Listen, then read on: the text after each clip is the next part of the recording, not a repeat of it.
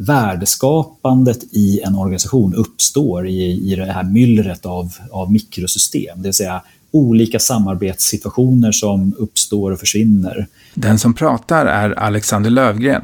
Han kommer idag berätta och tipsa om hur du får till en smart samarbete i ditt projekt. Dagens podd görs i samarbete med Förrådsguiden. På Förrådsguiden kan du hitta majoriteten av lediga förråd i Sverige. Så ska du hyra ett förråd, gå då in och jämför på förrådsguiden.se. Jag som har den här podden heter Mattias Eibe och nu kör vi! Du lyssnar på Projektledarpodden. En podd för dig som gillar att leda projekt och vill lära dig mer av andra om projektledning. Idag har vi med oss Alexander Lövgren som har skrivit boken Smart samarbete. Välkommen till Projektledarpodden. Tack så mycket. Vad är bakgrunden till att du skrev den här boken? Ja du, eh, det har varit en lång resa det här. Eh, jag skrev en doktorsavhandling en gång i tiden på, på KTH inom industriell ekonomi och organisation. Den handlade om meningsskapande i organisationer och framförallt när man inför ny teknik i organisationer och driver sådana typer av eh, implementationsprojekt. Och sen kring det så tyckte jag att liksom, den avhandlingen landade ganska bra och så, men det är ganska krånglig, krångligt sätt att beskriva vad, vad, vad det handlar om. Det är väldigt så här forskningsorienterat och metodorienterat och sådär. Så jag, då föddes idén att det vore kul att skriva något liknande om det här med meningsskapande organisationer, men på ett mer lättsmält och mer underhållande sätt. Så har den eh, idén eh, följt med mig under lång, lång tid. Så att eh, sen de senaste 14 åren då jag har jobbat både i linjeroller i olika organisationer och som konsult så har det här idén om så här, ja, meningsskapande, det här med smarta samtal, eh, samarbete vuxit fram så där, och samlat på med massa anteckningar och så. Och sen rätt vad det är så hade jag ett väldigt bra material. Eh, framförallt eh, olika bra eh, exempel som jag kände så här, wow, det här, det här kan ju bli något. Så då skrev jag ihop en bok om det och sen så eh, fick jag den utgiven av ett, av ett förlag, så det var jättekul. Och jättebra bok. Den har väldigt många bra tips, eh, så jag kan verkligen rekommendera den. Vi kommer att prata om lite senare eh, mer exakt. Men vad får oss att samarbeta? Det är ju, grunden till samarbete är ju faktiskt att vi samarbetar ju bara om vi behöver samarbeta. Eh, och då måste vi ju ha liksom, förståelse för varför. Varför gör vi det då? Och då är vi ju tillbaka till det grundläggande, det måste finnas någon, någon gemensam uppgift. Vi samlas kring en gemensam uppgift och den gemensamma uppgiften är just att vi klarar inte av det att göra det själva utan vi behöver varandra på något sätt för att, för att kunna realisera uppgiften. Och eh, då behöver vi eh, ha en bra koppling mellan varför vi ska göra det här och eh, individernas liksom grundläggande motivation till, till varför de ska vara med och eh, medverka till uppgiften. Så att kopplingen mellan det här med uppgiftens motiv och vår egen motivation, det är ju i grunden till att vi skapar en, ett, eh, en vilja till att eh, samarbeta. Och det är det som är grunden, att, att vi faktiskt vill samarbeta. Är vi duktiga på att samarbeta? Ja, eh, det är vi, när, när det är meningsfullt det här eh, med meningsfullhet, eh, det är ju ganska mycket eh, ska säga, kärnan i boken. Att just den här kopplingen mellan motiv och motivation, det är det som är grunden till de här meningsskapande mekanismerna mellan oss människor. Eh, och när den här meningsfullheten uppstår så, eh, så är vi bra på att samarbeta. Eh, det som är utmaningen är däremot att i liksom vår ja, komplexa och föränderliga värld och hur allt mer våra organisationer som vi, som vi tillhör till, när, vi, när vi jobbar eh, och projekten som, som vi jobbar i, de, de blir allt mer eh, svåra att över, överblicka och just allt mer komplexa. Och det gör att den här förståelsen för vad uppgiften är och hur som in, vi som individer ska bidra till den, det, det, det blir svårare att greppa. Eh, då är det svårt att förstå vad är liksom meningen med, med, med det hela. Och det är därför som vi behöver fokusera just på samarbetsfrågan. För att det är i samarbetet med andra som vi steg för steg i kontinuerliga samtal över tid kan, kan reda ut här, varför gör vi det här, varför är det viktigt, hur kommer vi till vår rätt och hur ska vi skapa motivation och drivkraft eh, kring det.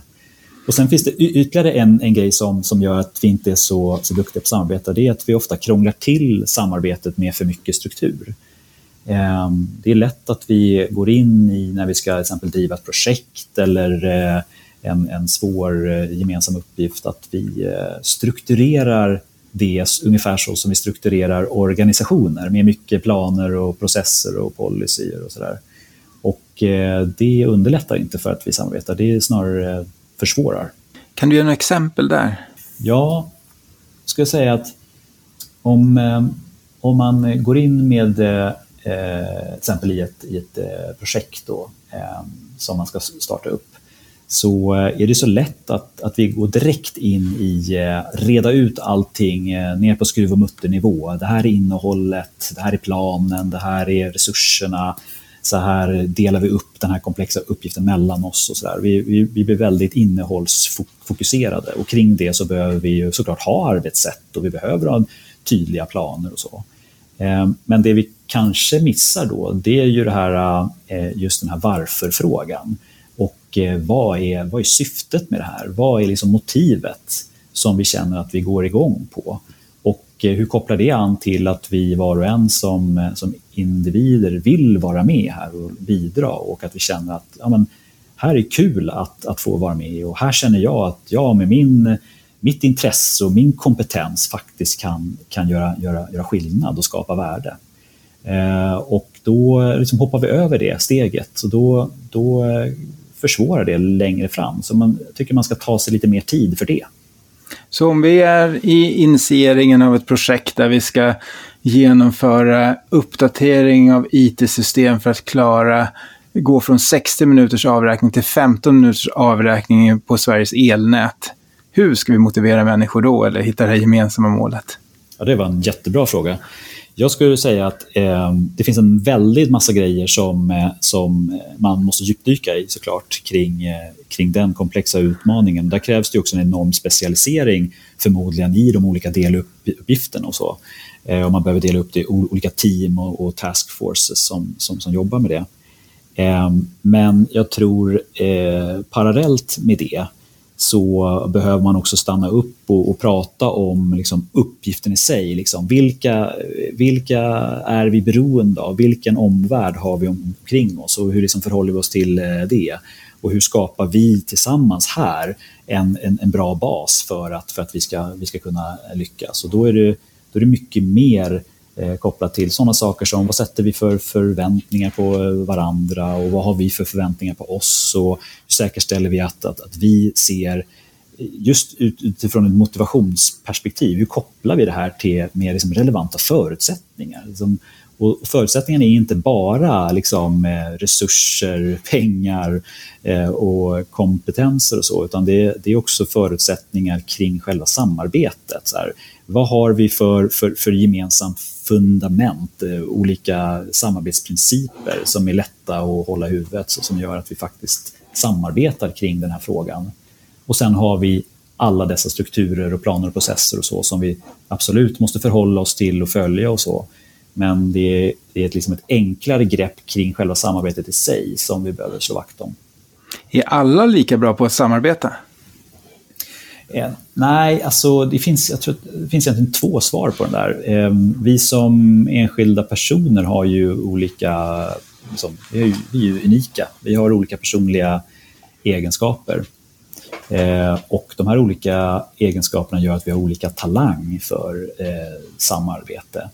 Ehm, det finns ju exempelvis sådana saker som om du är lite mer samvets, eh, samvetsgrann och eh, är duktig på att hålla det du lovar och följa en plan och är liksom lite disciplinerad och sådär. Och att du dessutom är lite tillmötesgående och är, är, är bra på att lyssna och eh, visar lite omtanke och sådana saker. Men då, då, har du, då har du mer talang för samarbete.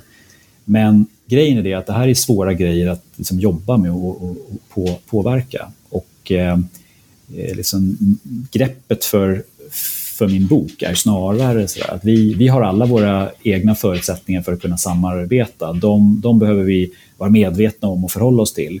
Men vi kan alla, trots det, träna på vår samarbetsskicklighet och det är trots våra personliga egenskaper.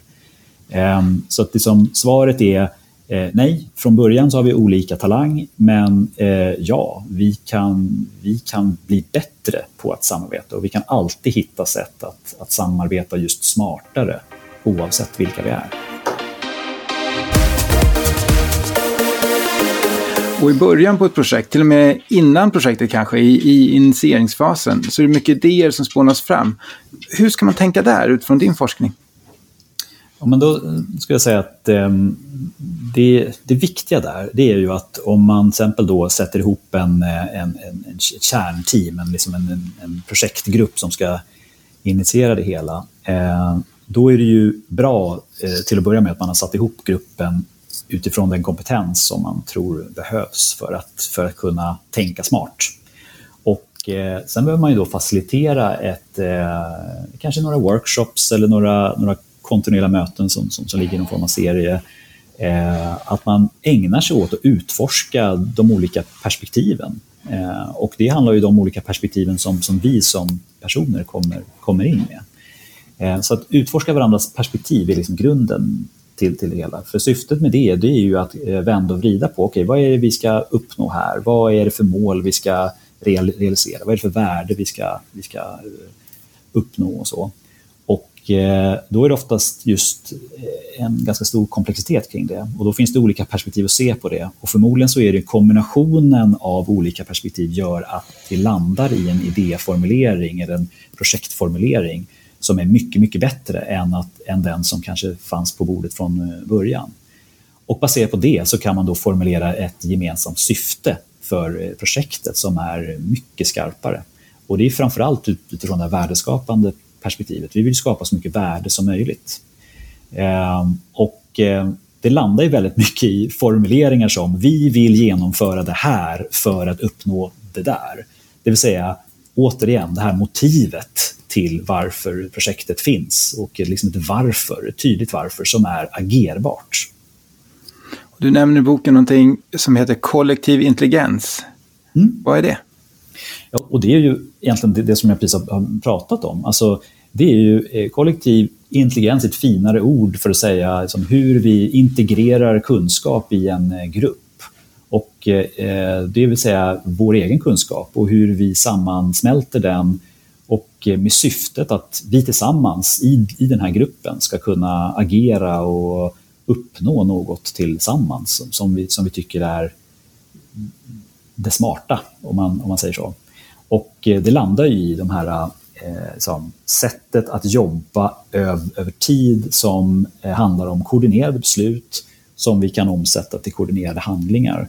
Och I boken så beskriver jag det som en, som en grundläggande ja, två mekanismer som, eh, som växelverkar mellan varandra. Och det är liksom den målstyrande dimensionen kopplat till ett, eh, ett projekt eller en uppgift och, och eh, som är mer uppgiftsorienterad. Då.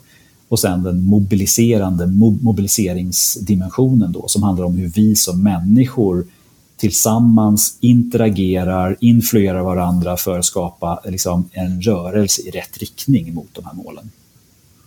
Ett annat uttryck du har är självnavigerande beteende. Vad är det? Ja. Jo, och det är ju helt, helt enkelt när eh, en grupp människor eller en hel organisation för den, för den delen lyckas med att just få den här rätta, eh, den här rätta växelverkan mellan målstyrning och mobilisering. Då uppstår det här självnavigerande beteendet där vi eh, dels kan navigera oss själv eh, kring sin del, min roll, och helheten för uppgiften och förstå att det är så här, hur jag som person växelverkar mellan hur jag tar ansvar för min del och integrerar mig med hel, helheten. Då har vi grunden för det här målstyrande och mobiliserande beteendet då, som är självnavigering. Och jag använder ju i boken då en, en, en karta och kompass, om man säger så, som, en, som, som ett, som ett enkelt, enkelt verktyg för att visualisera vad den här navigeringen handlar om. Och det är helt enkelt liksom, laget och jaget behöver häng, hänga ihop. Och så har vi liksom den målstyrande dimensionen kring, kring uppgiften och mitt eget bidrag och den mobiliserande dimensionen som är liksom det samarbetsklimat som vi behöver etablera och hur jag som enskild individ med, med mitt deltagande beteende medverkar till det klimatet. Då. Så det landar väldigt, väldigt mycket i att kunna navigera i vad vi gör och, och hur vi gör för att uppnå det som vi vill och behöver uppnå. Och det vi vill uppnå det är ju förstås att bäst idé vinner, men är det det som alltid händer? Nej, men så är det ju verkligen inte. Alltså, um, jag vet inte så det känner du nog igen dig också, Mattias. Eh, det är rätt många projekt och uppgifter och överhuvudtaget tillhöra organisationer där det finns mycket maktstrukturer inbyggda eh, lite öv, överallt och sådär. Det är liksom en, också en, en liksom förhållande till hierar, hierarkier och roller och sådär. Och det är inget konstigt med det. Det är så vi har byggt upp eh, de flesta organisationer. Eh, det som däremot händer i de här, när vi applicerar för mycket maktstrukturer på samarbete och projekt och så, så eh, blir det ju ett för snävt fokus på just eh, kontroll.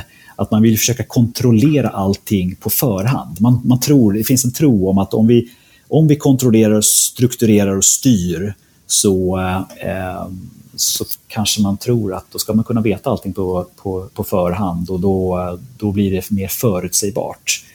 Eh, men problemet som uppstår då det är ju det här eh, som jag brukar prata om då, att det, det blir en uppdelning mellan ledare och följare. Och det är inte en så bra uppdelning, för att det är just när man delar upp människor på det sättet så uppstår det en passivitet, att det är de starka ledarna som ska dra lasset och följarna ska följa efter och så. Man behöver mera eh, jobba med den här bäst idé-vinner-tanken, eh, att eh, eh, ja, ledarna har, har sin roll och vi andra som, som är då medarbetare eller projektmedlemmar, eh, vi är ju där och har en jätteviktig roll också.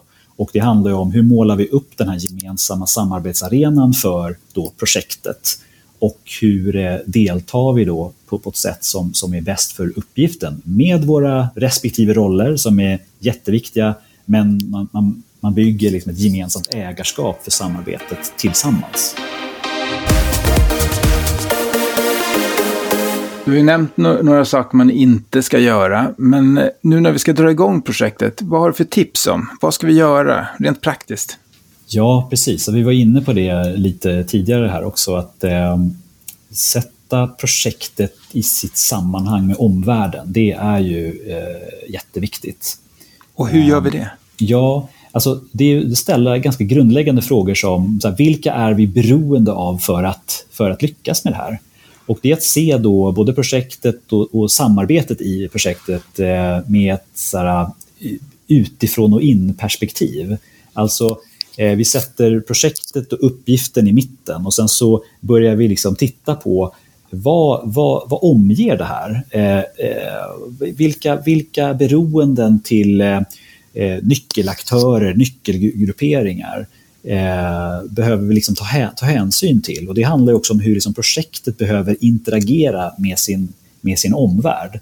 Och där pratar jag om det här myllret av mikrosystem. Då. Alltså mikrosystem är helt enkelt en, eh, Eh, alla de samarbetssituationer som uppstår i en organisation där just samarbete sker. Eh, och eh, I boken så har jag då exempelvis då en sån här enkel minnesregel för hur man kan titta då på beroenden kopplat till ett projekt, en uppgift och, delar jag in de här beroendena då i, i fyra kategorier eh, och använda min, minnesregeln BRUM som är då beslutande, rådgivande, utförande och mottagande.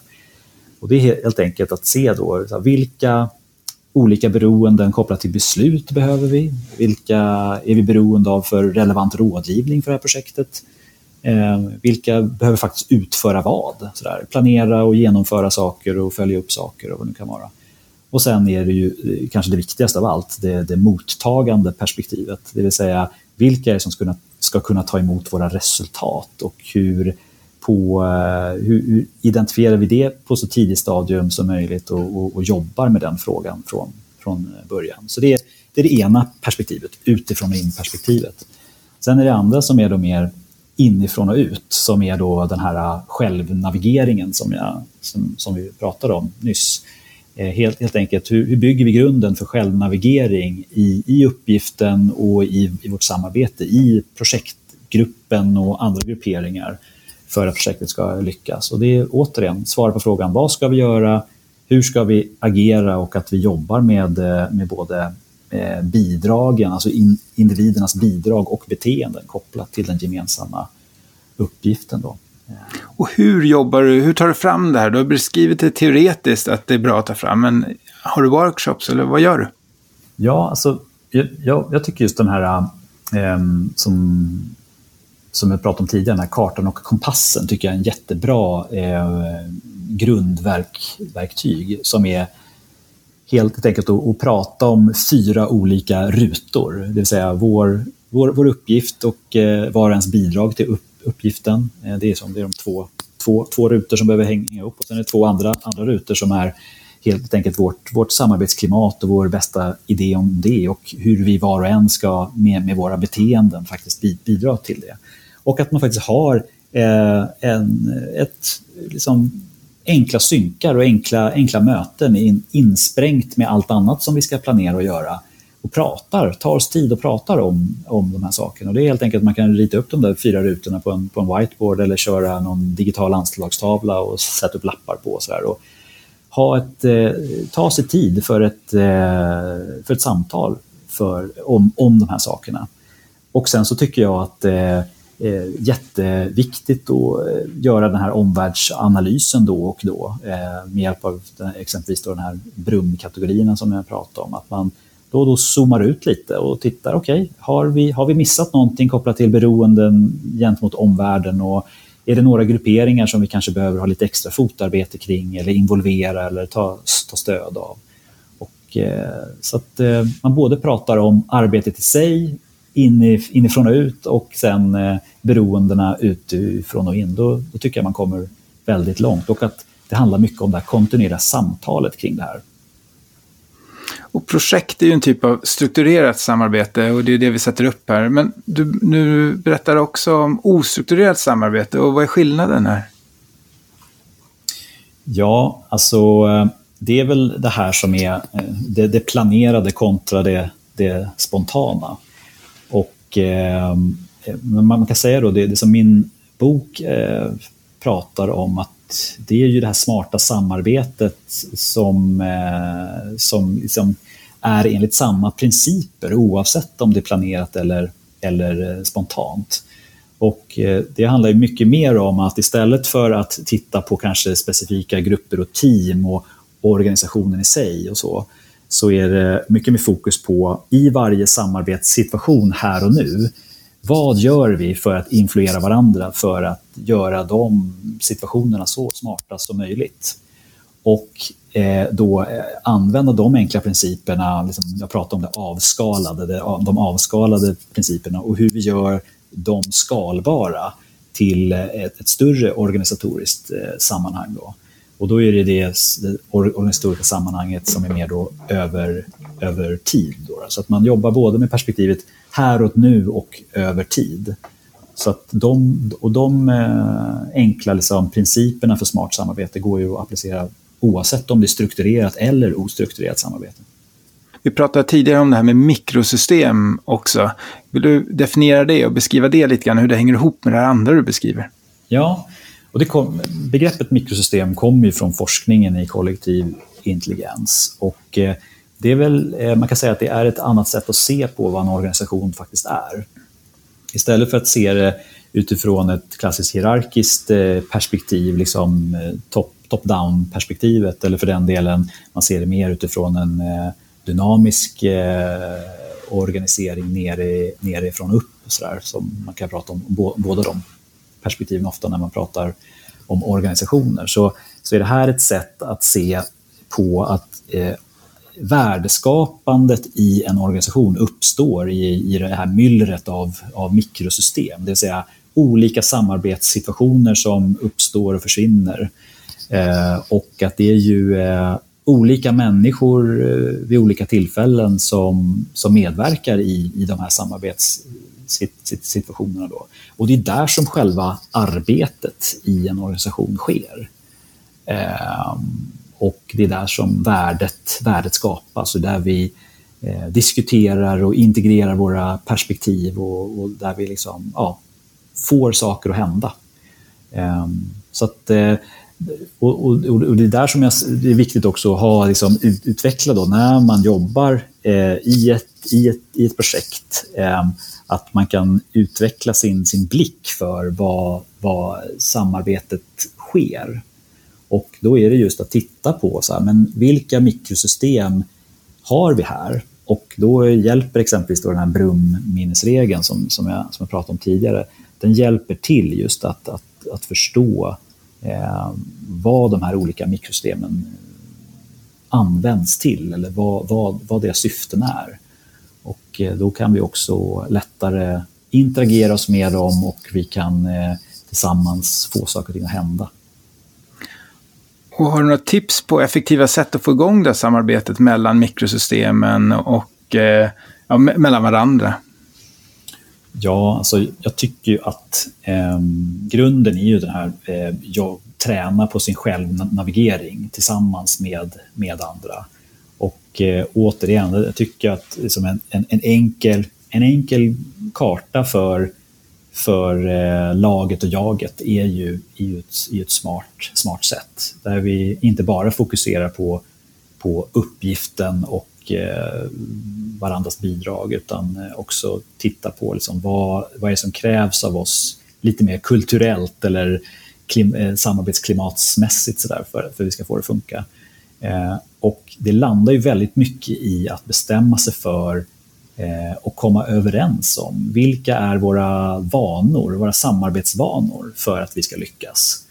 Och eh, man kan ju prata om sådana saker som spelregler till exempel. Det är, det är ett sätt att, att, formulera det på. Det vill säga de, de enkla samarbetsprinciper som vi formulerar och, och lovar varandra att, att vi ska eh, jobba efter för att samarbetet ska funka smartare. Ehm, och Det kan ju vara sådana såna saker som att när vi har eh, fått en ny uppgift så går vi laget runt och, och lyssnar på varandras perspektiv till det. Så att vi får, får, får fram all, all, all, kunskap och alla perspektiv på bordet innan vi fattar beslut. Och Det kan vara eh, sådana saker som att om vi kör fast så ber vi om hjälp. Så där, för att vi ska eh, få en, få en kultur, en samarbetskultur som, som bygger på hjälpsamhet. Och om vi alla ber om hjälp så, så blir det också lättare att kunna, kunna ge den hjälp som, som behövs. Och olika mikrosystem skulle kunna ha olika regler så länge de är överens om vilka beroenden och hur vi samarbetar med varandra. Ja, exakt. Och det är ju, på något sätt så är det ju det svårt att eh, trycka in spelregler utifrån. Så här, så här ska ni samarbeta. Utan det är, ju, det är ju respektive mikrosystem som måste ta ansvar för sina egna spelregler eller sina egna samarbetsvanor. Eh, och det är återigen då viktigt att förstå vad är, vad är vi för typ av mikrosystem? Så här, varför, har vi, varför uppstår den här samarbetssituationen här och, här och nu? Eller varför är vi ett team som ska göra den här uppgiften över den här tidsperioden. Och eh, om man har bättre förståelse för vad det är man ska uppnå och vad syftet är, då kan man också formulera eh, de, de, spelregler som vi själva tycker är, är liksom re relevanta för att vi ska lyckas med uppgiften. Och också de spelregler vi känner att eh, det, här, det här skulle få, få mig att känna mig, mig trygg i, i, i det här sammanhanget och, och jag kliver fram och vill delta i det gemensamma arbetet. Så att, eh, det är ju någonting som man måste liksom börja våga prata om och sen så att man hittar sätt att eh, påminna varandra om vad, vad vi tycker är viktigt för att vi ska kunna samarbeta bra. Ser du någon skillnad här i början på projektet när vi inte känner varandra så bra jämfört med när vi är i mitten när vi kanske har kommit lite längre enligt eh, Wheelan eller enligt Firo-modellen eller liknande? Ja, alltså om jag pratar ju om de här fyra F i boken som, som, en, som en minnesregel för att komma ihåg det här eh, lite mer inifrån och ut-perspektivet. De fyra F är helt enkelt förväntningar, förutsättningar, förverkligande och förbättringar. Och om man tänker sig då att i uppstarten av projekt så är det här matchningen mellan eh, förväntningar och förutsättningar extremt viktigt. För att det gäller ju att få ihop det här med rimliga förväntningar eh, kopplat till relevanta för, förutsättningar. Då känner vi ju att vi får drivkraft och motivation att, att göra saker. Vi, vi, har, eh, vi eh, upplever att uppgiften hänger ihop och vi har eh, eh, det som krävs för att lyckas. Men sen när man kommer in i, i mitten av projektet, då måste man ju liksom börja, kan man inte sitta och snacka längre, utan då måste man börja, börja göra saker och eh, kanske göra saker och sen återkoppla tillbaka till att eh, ja, följa upp och, och, synka, synka grejer. Och då är det viktigt att man just följer upp de, de andra två F, det vill säga förverkligandet. Vad är det vi faktiskt har gjort?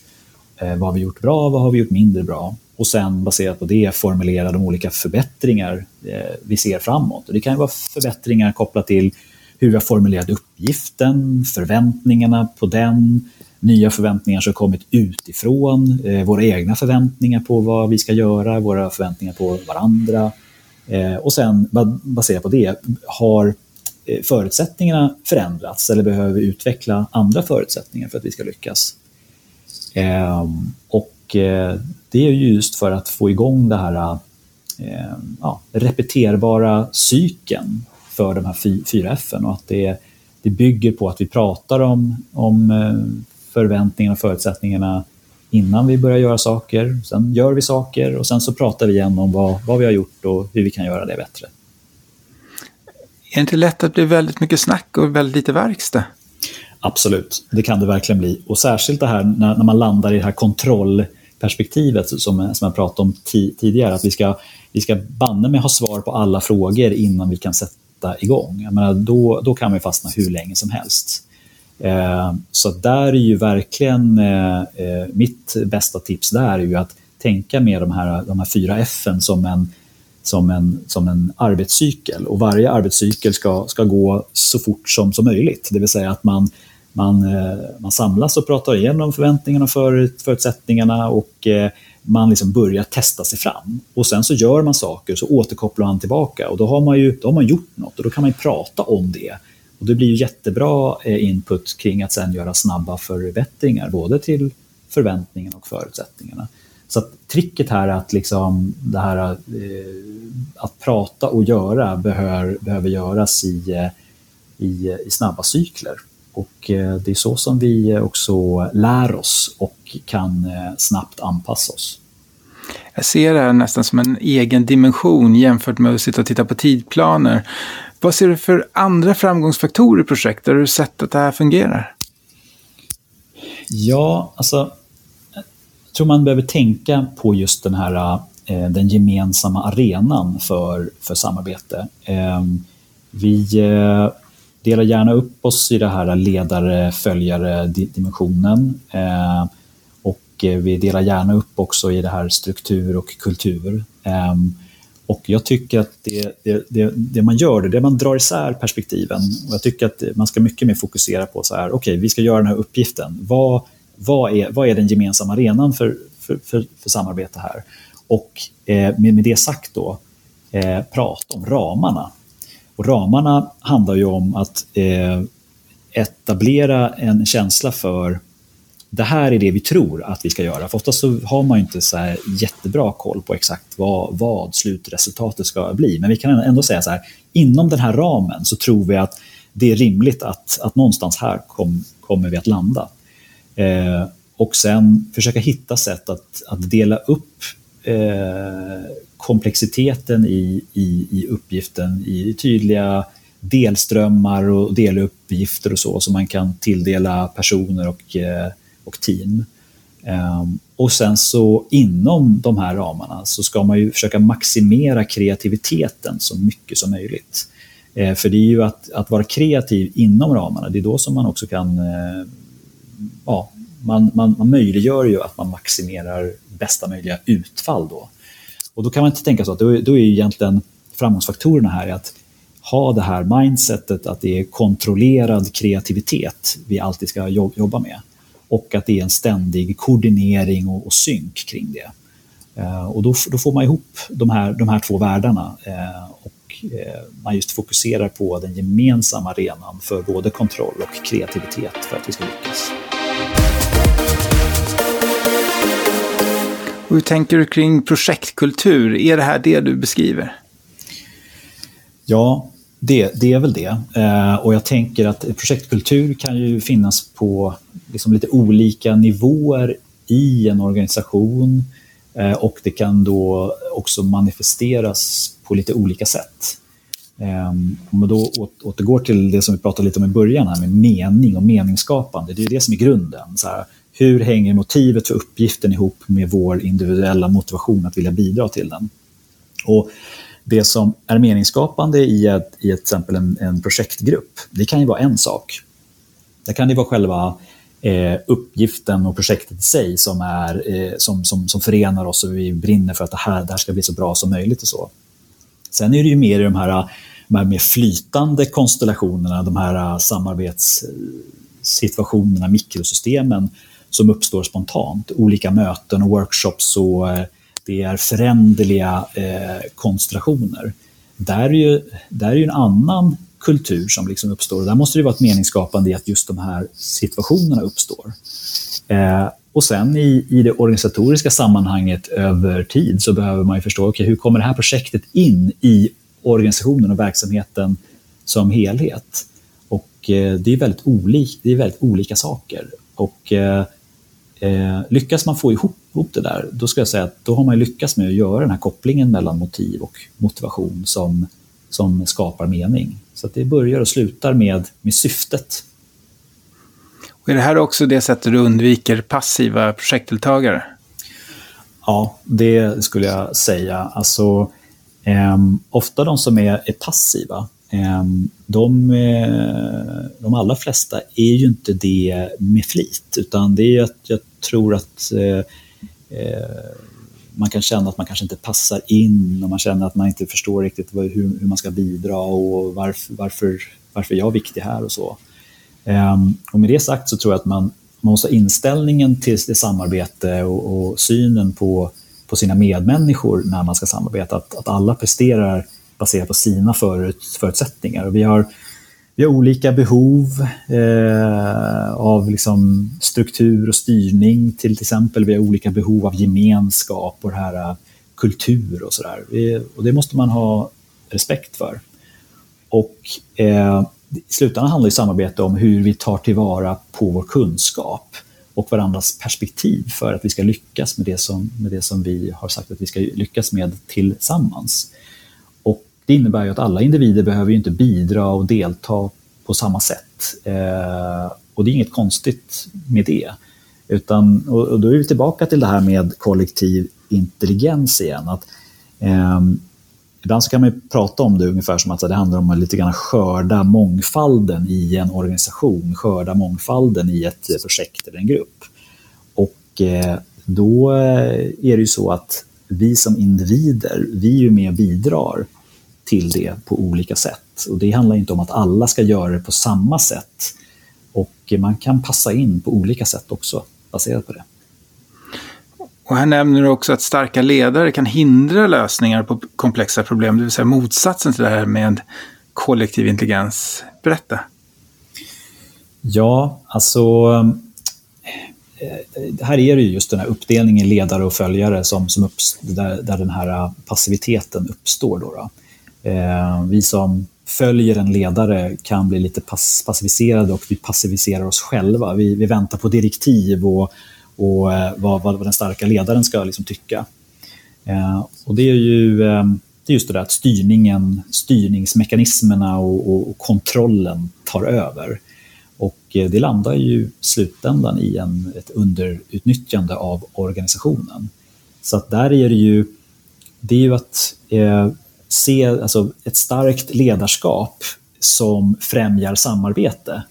Det skulle jag säga är eh, liksom ledare som, som är duktiga på att just måla upp de här ramarna som där, där vi känner, det är inom, in, innanför de här ramarna, det är där vi ska verka och det är här vi ska maximera utfallet. Eh, och att eh, som ledare eh, uppmuntra och trigga olika saker som gör att alla de som behöver bidra Eh, kliver in innanför den här ramen och med sin förmåga och eh, sin kompetens tillsammans med andra får saker att hända och att vi liksom förlöser kreativiteten där och vi får ett samordnat resultat.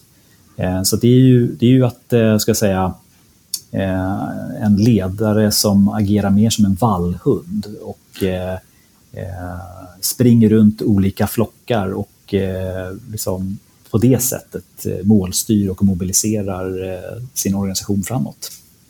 Och hur tänker du då kring ledarskap i olika kulturer, både, företagskulturer och olika länder? Det räcker med att åka till Finland för att få en liten annan hierarkisk kultur. Mm. Ja, men så är det Och ledarskapet har ju betydelse där. Eh, ett ledarskap som främjar eller hindrar samarbete, det, det tror jag vi alla har upplevt. Ehm, och då är det såklart att ledare som är mer faciliterande, stöttande och coachande och har det här, den här vallhundsbeteendet. Det, det är klart att de, de, är, de lyckas oftast bättre i att eh, möjliggöra samarbete i en organisation och ett eh, projekt. Eh, men där tänker jag också så att om, om man är som ledare och man eh, har en mer auktoritär stil så eh, behöver inte det vara i vägen, utan då handlar det ju om hur man jobbar situationsanpassat i de olika mikrosystem och samarbetssituationer som, som man deltar i. Eh, och det är återigen då, om du som, även om du då är en auktoritär ledare, om man säger så, med den, med den typen av stil, så om du har förmågan att förstå vad syftet med det här projektet är, det här teamet eller den här workshopen eller mikrosystemen, så där, vad, vad, vad de syftar till eh, och hur du bäst bidrar till det som ledare, eh, då har du också möjlighet att liksom anpassa din stil så att bästa möjliga resultat kan, kan uppstå. Och eh, det kan du göra trots att du är en, en auktoritär ledare. Så då när vi har genomfört det här projektet och det är dags att tänka på avslutet, är det någonting speciellt vi ska tänka på då? Ja, jag tycker att det är, och där är ju, det är ju nyckeln till kollektiv intelligens, eh, själva, själva motorn, det är ju liksom reflektionsförmågan. Att vi, att, vi, att vi reflekterar kontinuerligt kring det, det vi gör, men extra mycket att man reflekterar och skapar ett lärande för eh, projektet efter att det är avslutat för att sen dra lärdomar. Eh, vad gjorde vi bra, vad gjorde vi mindre bra och vad kan vi ta med oss till, till nästa projekt som, som var bra saker som vi ska fortsätta göra eller för den delen saker som vi inte gjorde så bra som vi förmodligen ska inte göra. Eh, och det, är ju, det landar ganska enkla grejer som, som, man ska reflektera kring. Det är syftet med uppgiften som vi var inne, inne på. Det kan man ju göra med olika typer av nyckelfrågor och sådär, så liksom ett, ett strukturerat sätt att, att re reflektera kring det. Eh, på samma sätt kring samarbetsklimatet så är det bra att reflektera kring kanske kärnan i det, i det här med psykologisk trygghet. Eh, och just prata om så här, kändes det tryggt att jobba i det här? Liksom, kände vi oss, vi, vi vågade kliva fram och vara oss själva och, och bidra eh, på, det, på, det, på det sätt som, som, som vi önskade. Eh, och sen eh, prata om det här med att eh, fick, all, fick vi chans att bidra med våra perspektiv? Kände vi att, att eh, perspektiven och hur varandras bidrag kom, kom till sin rätt? Eh, också viktigt att reflektera kring. Och sen generellt, eh, det här liksom deltagande beteende. För det, det, blir ju inget samarbete om, om inte alla har inställningen yes, jag är här och faktiskt deltar i samarbetet. Och Då kan man även reflektera kring så här, vad, hur kände vi kring, kring vårt del, deltagande? Kom det och gick? Var vi, hade vi ett engagemang? Hade vi ett gemensamt ägarskap? Kände vi tillit till eh, varandra och så? Och då, eh, då kan man även prata om det och, och, och dra lärdomar. Eh, och där tycker jag det, det finns ett, liksom ett, ett, en, en bra grej med det här, att man kan baka in det här med också faktiskt ge varandra några ord på vägen framåt. Så, där. så man kan baka ihop reflektion med, med, eh, med feedback, så det blir den här reflekterande feedbacken. Och det är också ett lite, eh, lite mer uppmuntrande och, och lättsamt sätt att ge varandra återkoppling.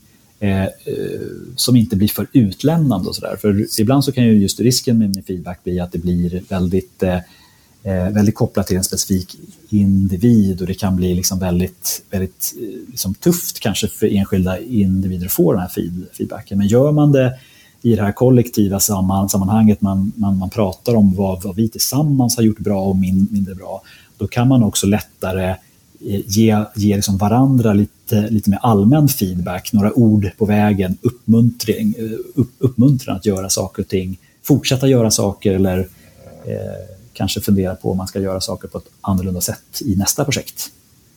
Väldigt intressant. Ser du skillnader mellan agila projekt och de som drivs enligt Vattenfallsmodellen? Ja, det är klart att det är skillnad på liksom hur projekten drivs, så, men det är ju mera, återigen, det är på, det är på strukturnivån. Man har valt att eh, strukturera planer på ett sätt och eh, hur man jobbar med ständig planering och eh, arbetssätten i sig, liksom, metoderna. Så.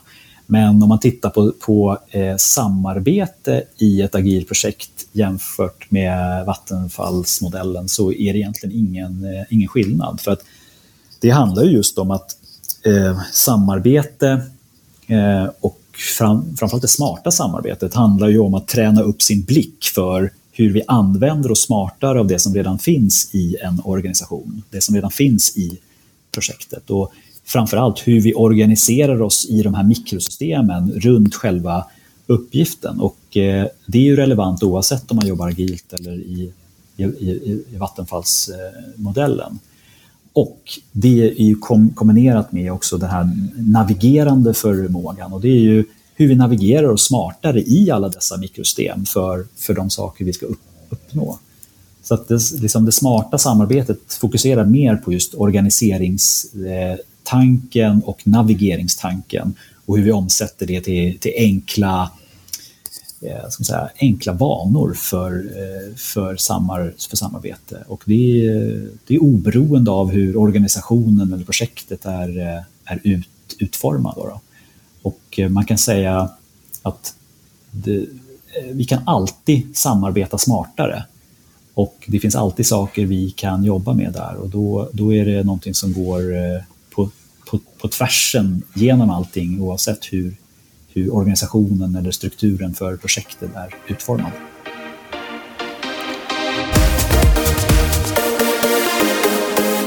Och när du gjorde den här forskningen, var det något du blev förvånad över? Ja, alltså det är inte bara kring forskningen utan det är sen i min yrkeskarriär både som både linjeroller och som konsult att det är ju eh, så otroligt viktigt eh, det här med förenkling och att, att skala av saker. Det, det är liksom nyckeln till att kunna skala upp samarbete i organisationer är just att kunna skala av och göra det så enkelt som möjligt så man landar i såna här enkla enkla minnesregler och enkla eh, så här, mikrovanor eh, för, samar, för samarbete. Ehm, och eh, det som, det som förvånade mig var att liksom hur, hur enkelt det är att, att börja jobba på det sättet. Att det, inte, det är inte det krävs inte så mycket, så mycket förståelse utan det gäller att, att eh, liksom landa i den här gemensamma idén om hur vi ska samarbeta, vad det vi ska göra och sen eh, ja, facilitera det kontinuerliga samtalet kring just de sakerna. Och att det blir enkla, enkla metaforer som, som vi kanske an, använder oss av. Eller en, en superenkel eh, eh, samarbetsvana som vi, som vi alltid triggar när, när vi har synkmöten och så. Och så inser man att det här, det här var ju bra och eh, det här lär vi oss någonting av. Det hjälper oss att navigera tillsammans i den här svåra uppgiften. Och sen håller man fast vid det och sen så blir det någonting väldigt bra som, som över, över tid skapar värde. Så det är, det är den ena grejen som jag tycker var liksom, det är liksom förvånande enkelt att börja jobba på det här sättet. Och sen den andra grejen är väl styrkan i att bara prata. Eh, styrkan i liksom det, det, smarta pratet är ju någonting, eh, någonting coolt faktiskt. Att det inte är just det där som vi pratade om innan, att man fastnar för länge i pratet, utan det smarta pratet är just att kunna bara snabbt eh, checka av saker, synka förväntningar på eh, varandra, Eh, som har, vi, har vi koll på de här övergripande delarna? Vilka olika grupperingar behöver vi eh, närma oss nu och ha fotarbete kring och så? Eh, och sen så gör man det liksom inbakat med allt annat man gör också. Så att, liksom att hitta sitt, sitt sätt kring det här smarta pratet, det är också någonting som förvånar mig hur, hur starkt det är och hur mycket värde det faktiskt skapar. Och det här smarta pratet, fördjupa det lite till. Så här, vad kan jag som projektledare som inte har jobbat med det här tidigare göra imorgon i mitt projektteam? Ja, men då tycker jag eh, göra en, en, en, för, en, för, en förväntanssynk tycker jag är det superkraftfullt. Här. Bara att vi eh, tar, tar oss tid och så här, okej, okay, vi är uppdelade i de här olika rollerna. Eh, om jag ska formulera vad, vad jag tror förväntas av, av mig, då är det, då är det de, de, de, de här sakerna. Och sen så att man tillsammans i gruppen sen eh, eh går laget runt och så får andra säga så här, ja, jag håller, jag håller med om att det som du har for, formulerat för dig här, det, det stämmer överens. Eller för den delen, ja, men jag tror dessutom att du behöver det i din roll att du ska göra de här, de här, de här sakerna. Och att genom att göra det så får man ju, eh, eh, får man ju en, en, en check på att vi har samsyn kring, kring varandras roller. Och eh, det, finns någonting, det finns någonting starkt med, med det. Och det finns någonting, någonting starkt också med att när man har gjort den typen av roll och förväntanssynk så kan ju vi var och en kvittera på att ja, det, det är det här jag faktiskt ska, ska göra. Och nu har vi pratat det och vi har synkat det mellan varandra. Så att nu känner jag mig ännu mer trygg med att det jag kommer göra nu framåt, det, det kommer vara rätt saker. Och genom att prata om eh, varandra eh, och förväntningar på varandra på det sättet så skapar man en större trygghet både i, i sin egen roll och i trygghet i hur man ska eh, samarbeta med varandra för att man vet mycket, mycket tydligare vad det är man kan förvänta sig av varandra. Gör det här mellan mikrosystemen också? Mellan mikrosystemen, absolut. Alltså om det är så att det är en, en, en komplex uppgift där det är flera olika mikrosystem som behöver, som behöver bidra, då kan man exempelvis eh, jobba med relationskartor. Eh, det är också exempel på, och det är eh, liksom ett konkret case i boken också, där, där det var en väldigt komplex digital transformation som skulle, skulle göras. Så där var man ju tvungen att jobba med kartläggning av mikrosystem till olika uppgifter och så. Och då kan man genom att bara visuellt liksom, eh, göra den typen av kartläggning så kan man sen ha en dis diskussion kring, okay, kring den här specifika uppgiften så är, de här, är vi beroende av de här olika mikrosystemen och på, på vilket sätt behöver de här olika mikrosystemen bidra och vad är även beroendena mellan dem för att den här uppgiften ska kunna realiseras. Hur ser du på skillnaden på samarbete och förhandling då? Ja, det där är ju väldigt spännande. Alltså. För att eh, på ett sätt kan man ju säga att eh, framväxten av samarbete är ju en ständig förhandling. Det är ju, det är ju faktiskt det det, det är. Eh, och det är ju, men det är viktigt att tänka på att det är ju inte en förhandling utifrån att så här, jag ska få det och du, du ska få det, utan det är en förhandling utifrån hur ska vi skapa det som vi behöver tillsammans för att vi ska lyckas. Och då behöver man ju utifrån en förhandlande pers perspektiv då jobba med hur influerar vi varandra? Och hur influerar vi varandra till att just vilja samarbeta och att vi väljer samarbete? Så att eh, det är ju det är fokus på eh, den här ständiga förhandlingen som pågår. Men eh, förhandlingen behöver mer handla om hur vi faktiskt influerar varandra till att vilja göra saker tillsammans på ett så smart sätt som möjligt. Och vi på Projektledarpodden gillar ju att lära oss av misstag, gärna andras. Har du gjort några misstag gällande samarbete som du vill dela med dig av och vad har du lärt dig? Hur mycket som helst. Alltså det, är, menar, det är ju det som är grejen också med, med allt sånt som vi gör i livet. Menar, det gäller även om man är, liksom, ska leda ett projekt. Det är ju genom alla misstag man gör, det är, det är så som man faktiskt lär sig. Så att jag har ju en uppsjö av grejer eh, kring just samarbete som jag också har prövat mig fram till. Alltså, det, det här var inte en bra approach. Det, det, här ska jag inte göra igen. Men en sån här riktigt juniormisstag som jag, jag tror eh, de flesta ledare eh, som ska facilitera samarbete stöter på, det är ju just att man går in för, för mycket i sin välvilja att eh, skapa tydlighet för, för alla. Eh, att, att om jag bara som, som ledare, om jag ska facilitera det här samarbetet, går in och skapar så otroligt tydlig plan eh, och så otrolig uppdelning i alla arbetsuppgifter och jättetydliga rollbeskrivningar och allting är liksom på skruv och mutternivå så bra som det bara kan bli. Då kommer det här funka som en eh, klocka. Det gör det ju inte. För att det blir ju, det blir ju liksom ingenting kvar för, för var och en av oss i våra respektive roller att liksom ta vidare, göra till vårt eget, eh, vara kreativ kring. Eh, liksom, eh, försöka formulera sin egen tanke om vad, vad, är, vad är det egentligen vi ska göra här och eh, liksom just trigga de här eh, olika samverkansmekanismerna för, för att lösa våra respektive uppgifter. Så att där har jag lärt mig att liksom vara, vara medvetet eh, ospecificerad i, i, i, vissa delar av, av uppgiften och mer fokusera på just ramarna. Så här, vad, vad är syftet? Vad är det vi ska uppnå? Eh, vad är, om, om vi ska översätta det till hur vi delar upp den här uppgiften mellan oss. Vad, vad, är, vad är det viktigaste i liksom ditt bidrag och vad är det viktigaste är i eh, det du ska göra och så.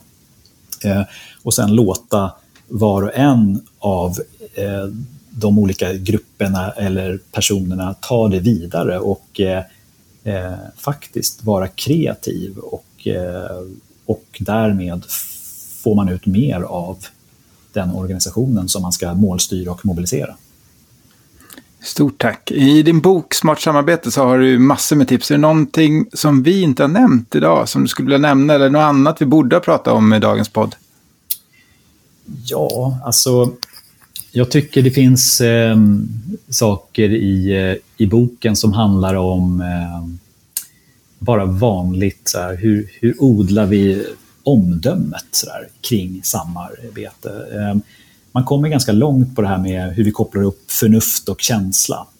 Eh, och det, det, det, tycker jag är en sån, sån sak som, som, som, vi kan bära med oss. Där. Alltså, meningsskapandet i samarbete och att, att vi ska känna att det känns meningsfullt att bidra i ett, eh, i ett projekt. Till, till, till, till exempel, det är ju att eh, vi också eh, hjälper varandra att vara lite omdömesgilla i så här, ja, men vad är det för beslut vi behöver fatta här? Och vilka är vi beroende av kring, eh, kring den här uppgiften? Och eh, vad, är, vad är det som krävs av oss här för att vi ska lyckas med, med det här delmomentet eller så. Ehm, och eh, om man bara har fokus på det här, hur, hur får vi just det här, det, det som vi vet och det som vi liksom, eh, kanske känner oss fram till med vår intuition. Liksom. Hur får vi det att häng, hänga ihop och hur pratar vi om det? Så att genom att ha det här eh, liksom, eh, att liksom odla omdömet i projektgrupper, i olika mikrosystem och i, orga, i organisationen, då, då kommer vi ganska, ganska långt. Och, eh, det kan man även läsa, sig, läsa mer om i, i boken, hur man, hur man just odlar sitt omdöme tillsammans med, med andra. Om man skulle vilja samarbeta med dig, hur får man tag på dig? Ja, ja men då är det så. Jag har ju en, eh, en öppen profil på LinkedIn och där kan man kontakta mig när som helst om man vill prata mer med mig eller vill få, få, få hjälp av mig eller vill veta mer om boken och så. Så det är bara att kontakta mig där. Vi lägger länken till det i anteckningarna till avsnittet. Jättebra! Idag har vi fått lära oss hur vi kan få till ett smartare samarbete i våra projekt. Vill ni läsa mer så rekommenderar jag boken Smart samarbete mot meningsskapande mikrosystem som Alexander skrivit. Stort tack för att du tog dig tid att vara med i dagens podd. Tack så mycket. Det var hur kul som helst. Tack för att du har lyssnat på Projektledarpodden. Hör gärna av dig till oss med idéer, tips och förbättringsförslag. Det gör du enklast via mejl på lyssnare projektledarpodden.se eller vid det sociala nätverk du föredrar.